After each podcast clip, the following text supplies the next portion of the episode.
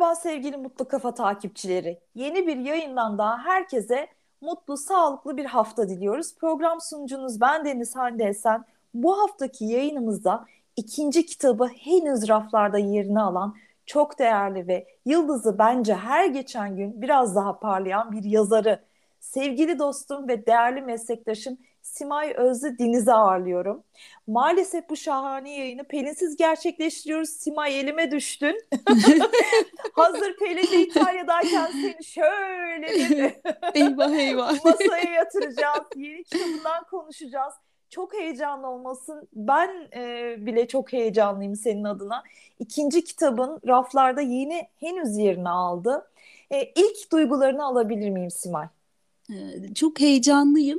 Bu güzel sohbet için de ayrıca çok teşekkür ediyorum sana. Vesile olduğun için çok mutlu oldum, onore oldum.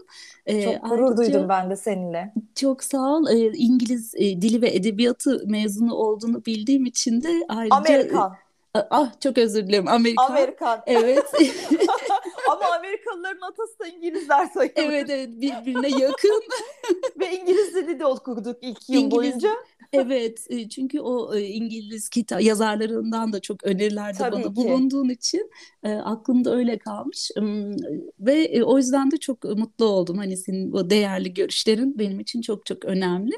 Yani heyecanlıyım. Rica ederim o ilk e, kitaptan sonra evet ikincisinde e, böyle toparlayıp e, sonuca ulaştırdığım için mutluyum. E, çünkü uzun bir süredir elimdeydi işte evirip çevirdim düzelttim e, redaksiyona gitti geldi. E, sonunda bir yayın eviyle anlaştık. E, umarım iyi olur hani okuyucular da beğenirler. E, heyecanlıyım çok.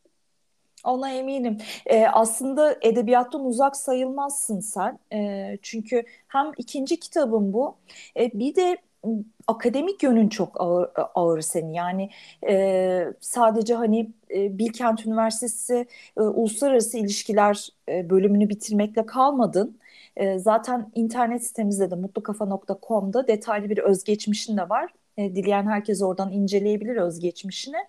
E, sen lisans dereceni bitirdikten sonra e, yüksek lisansa devam ediyorsun ve e, University of Houston'da, Houston Üniversitesi, Texas'ta e, yüksek lisans yapıyorsun. Sosyal Bilimler Fakültesinde ve sosyoloji üzerine yüksek lisans yapıyorsun. E, daha sonra e, doktoraya başlıyorsun ama doktoraya biraz ara veriyorsun ama o arada yine bir akademik e, sürecin devam ediyor senin. E, öğretim görevlisi olarak çalışıyorsun hatta uzun bir süre çalışıyorsun. Ee, yanlış hatırlamıyorsam 2007'den 2011'e evet, kadar e, Houston yıl. Üniversitesi'nde Hı-hı. evet sosyoloji bölümünde ders veriyorsun. Ee, senin hayatın bence hep okumakla geçmiş. Okumak, yazmak ve e, üretmekle geçmiş. E, sosyoloji alanında da çok değerli çalışmaların olduğunu biliyorum. Yazıların var. E, Zorba TV'de programlar hazırlıyorsun. Yani sürekli senin hayatında böyle bir okumak, yazmak, üretmek hep var olmuş bir şey. Şimdi bundan yola çıkarak sana şunu sormak istiyorum. İlham kaynakların bu zamana kadar ne oldu? Belli bir ilham kaynağın var mı Simay? Evet, e, çok teşekkür ederim e, bu girizgah için. E, şöyle nasıl başladım dersen aslında evet yani bu akademik çalışmalarımın, eğitimimin çok çok etkisi oldu. Fakat onun da öncesinde ben hani lise, ortaokul, lise yıllarında da hatırlıyorum. Günlükten ziyade kısa hikayelerle duygularımı aktarırdım. Yani böyle bir alışkanlık edinmişim. Bu e, nasıl gelişti, nasıl oldu bilmiyorum. Hani herhalde günlük yazarak başlayıp daha sonrasında da duygularımı aktarmak için e, kısa hikayeler, e, şiirler e, çalışıyordum kendim. Böyle bir alışkanlık hmm. edinmişim evet küçüklükten. E, sonrasında da dediğin gibi bu sosyal bilimlerle çok haşır neşir olmam da bu e, durumu ilerletti. Çok fazla makale yazıyorduk. Yani bizim sınavlarımızın çoğu e, yazılıydı ya da ödev şeklindeydi. İşte evet. yazma evet e, yetisi de bu şekilde gelişti. E, sosyal bilimler de tetikliyor bence yazarlığı. Hani e, yazarlar e, söyler e, mesela Virginia Woolf demiştir hani mutlaka yazmanızın altında bir sebep olmalı bir felsefe olmalı. diye. Ya sanırım öyle bir şey. Hani okuyup düşündükçe bir m, sosyolojik e, düşünce geliştikçe bunu aktarma ihtiyacı e, duyuyor. Hani ilham kaynağı dersen evet bu hani akademik çalışmaların, sosyolojik düşüncenin çok faydası oluyor. E, bir olaya o şekilde bakıyorsun. Sonra onu eleştirip e, eleştirdiğimde de bir şey olarak, hikaye olarak ortaya çıkıyor e, kurgulamayı seviyorum sanırım. Bu hani insanların doğasında da olan bir şey. Onu e, düşündüm bugünkü programdan önce. Hani oyuncul bir doğamız var aslında. Hı hı. E, Homo Ludens diye de bir sosyoloji kitabı var bununla ilgili. Hani oyunlarla biz aslında öğreniyoruz ve kendimizi ifade ediyoruz. Yani niye kitap okuyoruz, niye film izliyoruz, dizi izliyoruz? aslında oyunlaştırılmış kurgu bizi yansıtıyor, kendimizi, toplumu yansıtıyor. O şekilde de bir beynimiz olduğunu düşünüyorum. Beyin yapımız buna uygun yani insanların çocukları oynayarak öğreniyor. Ondan dolayı ben de e, bu işte sosyolojik gerçekleri kurgulayıp hikaye olarak ortaya çıkarıyorum. Hani nasıl ilham oluyor? Bazen bir film, bir kitap, bir gazete haberi, işte sizlerin anlattığı bir ilginç olay, seyahatte gördüğüm bir yer. Yani gündelik yaşamın kendisi beni şey bana ilham veriyor aslında. Hani kimi zaman komik şeyler, kimi zaman trajik olaylar e, tabii müzik de tetikliyor. Evet, müzik aslında çok e, güzel bir ilham kaynağı. Yalnız kitap yazmak ayrı bir şey. Yani kitap yazmak hem bir öz disiplin gerektiriyor, daha sistemli bir çalışma gerektiriyor. E, bu sistemli çalışmayı belli bir planla e, oturtmak, bir kurgu, şekil, çerçeve çizmek gerekiyor. E, kitap yazma fikri ilk ne zaman aklına geldi? E, ve fikrin oluşmasına mesela bir kitap yazmalıyım fikrinin oluşmasına etki eden kişisel bir olayın var mı hayatında? Bir yaşadığın bir şey var mı? Ya da bir aydınlanma anın oldu mu? Ee, aslında öyle bir e, tam bir nokta oldu diyemem. İşte bu adım adım gelişti. Hani küçüklükten beri hep böyle küçük küçük hikayeler, daha kısa şeyler yazıyordum. Sonra ben bir gün böyle daha e, uzun bir kurgu yapsam, bir işte hikaye serisi ya da bir roman yazsam diye e, kafamın bir köşesinde böyle bir düşünce vardı. Bir iki tane başlayıp mesela yarım kalan çalışmam olmuştu ta 25 yaşlarında mesela. E, onlar hala yarım olarak duruyor. Şimdi hani o kurgu çok cazip gelmiyor bana. Hani o günkü kurguyla bir şey kurgulamışım. E, sonra yarım kalmış. E, böyle böyle bir dönem oldu. Sonra çocuklardan sonra bir de çok yoğun bir çalışma dönemim vardı. Uzun süre kalem oynatamadım ben. Sanıyorum hı hı. onun bir birikimi oldu. Hani böyle çok yoğun bir iş, çalışma, çocuklar derken o, o kısmı çok e, ötelemişim. Sonra bir gün e, aklıma böyle bir şey geldi. Hikaye serisi. ilk kitap Paranormal Metropol. Bu işte şehir hayatında, iş yaşamında çocuklarla e, karşılaştığım olayları biraz trajikomik bir şekilde yazma hevesine kapıldım. Ve oturup yazmaya başladım. O şekilde oldu. Uzun süredir de yazmadığım için çok büyük bir hevesle ve e, hiç masanın başından kalkmadan e, böyle kıyamet kopsa dönüp bakmayacak şekilde yoğunlaşmış, konsantre Yoğun. olmuşsun. Evet böyle bir başlayınca patladı arkası geldi gibi bir durum oldu. Mesela şimdi öyle yazmıyorum daha sakin günün belli zamanlarında o bir başlangıç oldu benim için. Ee, ondan sonra diğer kitap e, hikayelerini yazmaya başladım. Şimdi ama daha sakin sakin yazıyorum. Oturuyorum günün belli saatlerinde. E, ama bir duygu uyandığında onu böyle hızlıca e, kaleme dökmek faydalı oluyor. Hani o heyecan, Hı-hı. o duygu kaçmadan. E, eğer onu yapamıyorsam da küçük notlar alıyorum. Cep evet. telefonuma bile olsa yazıyorum. Evet. E, hedeflediğin bir okur kitlesi var mı peki Simay? Yani ö- özellikle şu kitleye hitap etmek istiyorum e, ve bu kitleye şu mesajı vermek istiyorum. Böyle bir kaygın var mı bir yazar olarak? Şöyle başlarken hani ben şu kitleye yazayım onlar neyi sever diye bir düşünceyle yazmıyorum aslında planlamadım bu şekilde ama sonuca baktığımda biraz daha hani gençlere ya da büyük şehirde yaşayıp ya da bu büyük şehir yaşamını merak edenlere hitap ettiğimi gördüm. Aslında bir üst jenerasyondan da olumlu dönüşler alıyorum. Ee, ama sanırım şöyle düşünebiliriz. Sosyolojik bir bakış açısı geliştirmiş e, kişilere hitap ediyorum genel olarak. Hı hı. Ee, Kızılderili Öykün e, hatırımda mesela benim. Evet. Ee, Kızılderili Öykün bana çok e, çarpıcı gelmişti şu açıdan.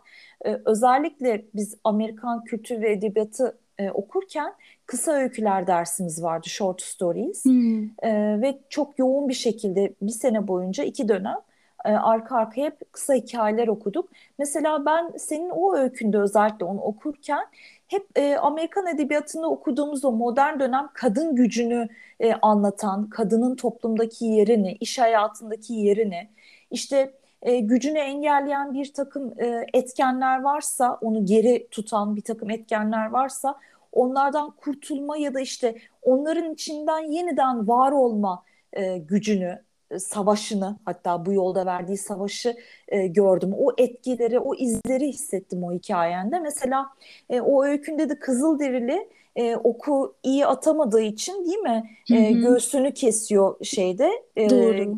Göl kenarından. Mesela o benim için çok çarpıcı bir andı. Çünkü tam böyle bir e, özgürlükçü, e, kendini gerçekleştirme çabası içerisindeki bir e, feminist bakış açısıyla hayata bakan bir kadın e, imajını gördüm mesela ben senin o karakterinde.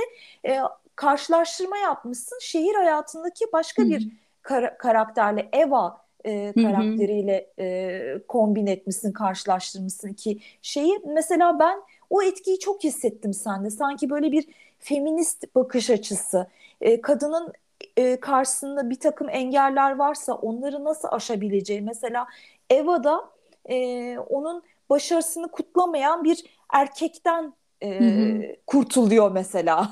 E, kurtuluyor evet. kelimesini kullanacağım burada. Çok doğru. Evet o da e, aşkını göğsünden söküp atıyor bir e, evet. metafor olarak. Evet düşünürsek öbürü göğsünü kesiyor.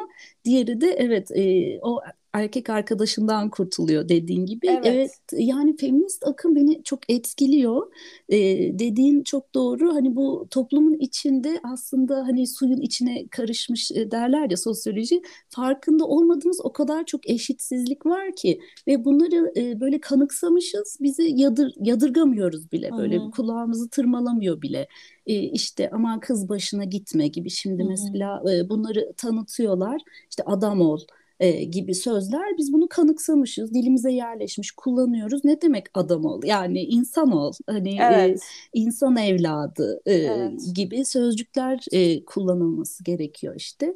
E, bunları böyle yakalayıp çarpıcı bir şekilde sunduğumuzda Aa, evet aslında bu yanlış değil mi? Hani bir kadının bir erkek istemiyor diye e, kariyerini geride tutması, e, o rahatsız olacak diye böyle adım atmaması hiç doğru bir şey değil. E, sonra evet. deniyor ki neden erkekler çok e, başarılı işte daha akıllı kadınlardan gibi söylemler vardır ya.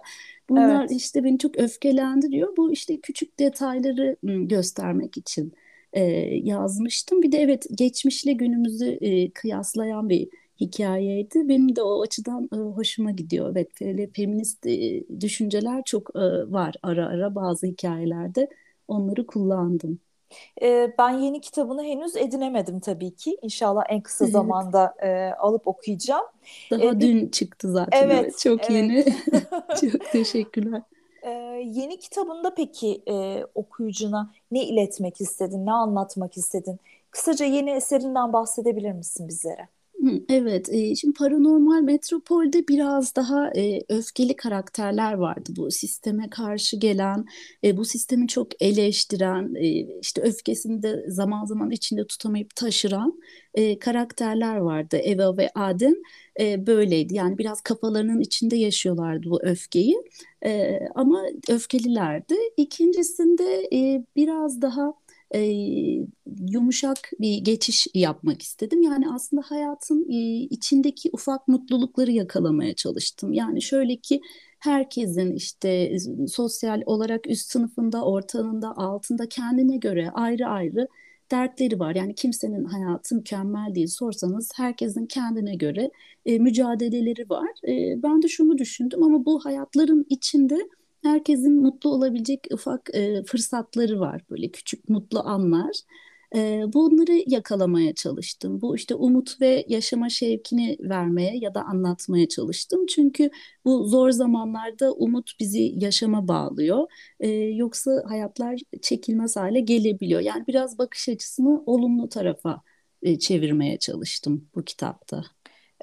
Peki yani yazar olmak aslında çok zor bir şey yani bir çalışma gerektiriyor araştırma süreci gerektiriyor, e, disiplinli olmayı gerektiriyor. Gerçi sen şimdi az önce biraz daha e, rahat e, saatlerde yani kendi biraz herhalde e, daha nasıl söyleyeyim koşullamadan herhalde içinden geldiği gibi ha en doğru ifade bu oldu. İçinden geldiği gibi bir yazma süreci e, içer, içerisinde bu eseri ortaya çıkarttın.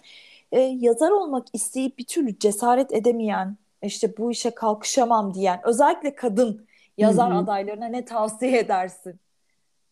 Ee, şöyle ben de ilk başta e, yazdıktan sonra e, bunları paylaşmakta e, cesaret gösterememiştim. Şöyle bir şeyle karşılaşıyor insan hani ben bunları yazdım ama paylaşmalı mıyım? E, böyle sanki mektupların okunuyormuş gibi bir duyguya Doğru. da kapılabiliyorsun. Fakat İnsan utanıyor sanki değil evet, mi biraz? Evet bir utanç gibi bir hisse evet. kapılabiliyorsun çok doğru. E, fakat şimdi hikayelerle arana bir mesafe koymaya başlayınca bu duygu kayboluyor. Hmm, yani aslında arana mesafe koymak doğru. Kesinlikle evet. evet. E, bu arada ben e, edebiyat atölyelerine katıldım. Aslında edebiyat okumadım ama daha sonrasında edebiyat atölyelerine katıldım. Orada e, da bahsetmişlerdi. Hani mesafe, öyküyle arana bir objektif mesafe koyduğunda bu kurgu ve gerçeklik birbirinden ayrı, ayrılıyor ve çok rahat etmeye başlıyorsun. Hani bir gerçeklik var ama bu hikayenin gerçeği, toplumun gerçeği. Yani senin e, günlüğün değil aslında o. Yani bu ayrımı yaptığında rahatlıyorsun ve e, bir yerden de başlamak lazım. Hani geri durdukça e, orada kalıyor sanki. Hani böyle bir dergide olabilir, işte hikayeler e, olabilir. Ne oluyorsa küçük küçük yazmaya başlamak, bir yerden başlamak gerektiğini düşünüyorum. Bir köşe yazısında mesela okumuştum. E, genelde biz yeni yazarlar e, ünlü edebiyatçıların en iyi eserlerini okuyup asla onun gibi yazamam deyip umutsuzluğa düşüyoruz. Evet, kendimizi bir üzüyoruz evet. Evet ama şöyle onların ilk eserlerine hiç baktık mı mesela nasıl? İlk dergilere yolladığı hikayeler nasıldı acaba? Yani Tabii bu canım, da bir evet. süreç yani en iyi yazarın en iyi e, romanını okuyup böyle yazamam demek kendimize büyük bir haksızlık e, bir yola başlayıp e, bu yolda neler yapabileceğimizi keşfetmek lazım. E, kendimize çok acımasız olmayıp e, bir şefkatle yaklaşmak gerek diye düşünüyorum. Evet, e, mesela çok doğru bir şey söyledin az önce. E, en son Fakir Baykurt'un e, bir eserini bitirdim ben de. Köşe Bucak Anadolu. E, orada yazarlık e, hayatının işte bütün basamaklarından bahsetmiş. E, Yılanların Öcü e, hmm. isimli romanı Cumhuriyet Gazetesi'nde ödül kazanana kadar aslında Fakir hmm. Baykurt'ta böyle e, neredeyse kapı kapı yayın evi dolaşıp ondan sonra öykülerini, hmm. hikayelerini e, bastırtmak ondan sonra işte adını duyurmak için çok çok büyük mücadeleler vermiş. Halbuki ne kadar büyük bir yazar. Evet. Anadolu insanı ne kadar güzel tarif eden, Anadolu gerçeklerini e, ne kadar çıplak hı ama güzel bir dille ifade eden bir yazar. E, dediğin gibi gerçekten e, çoğu yazarın e, hatta bütün yazarların bence e, tanınana kadar geçirdiği süreç çok aslında şey. Hatta e, Ahmet Ümit geçenlerde dedi ki belki dedi e, bir programda izledim onu. Az önce sana yayından önce de bahsetmiştim. Hı hı. E, öldükten sonra e, başarılı olacağım.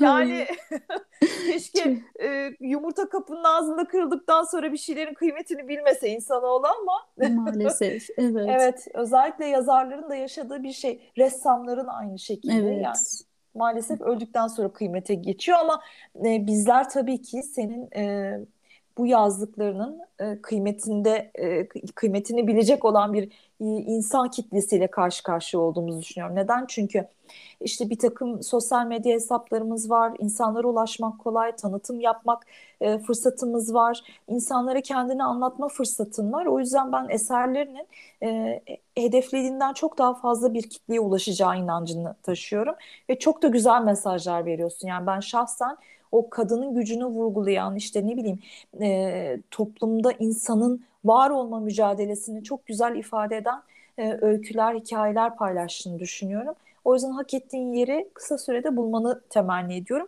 Bunu biliyorum inşallah Simay'cığım. Çok, çok teşekkür ediyorum iyi niyetlerin, iyi dileklerin için Hande. Ee, hani ben de evet umuyorum ve benimle aynı düşüncede olan okuduklarımdan keyif alan kişilere e, ulaşır. E, aynı şeyi düşünen, aynı şeylere kafa yoran, e, aynı sosyolojik sıkıntılara kafa yoran kişilerle böyle bir fikir alışverişi yapmak çok keyifli olurdu benim için de.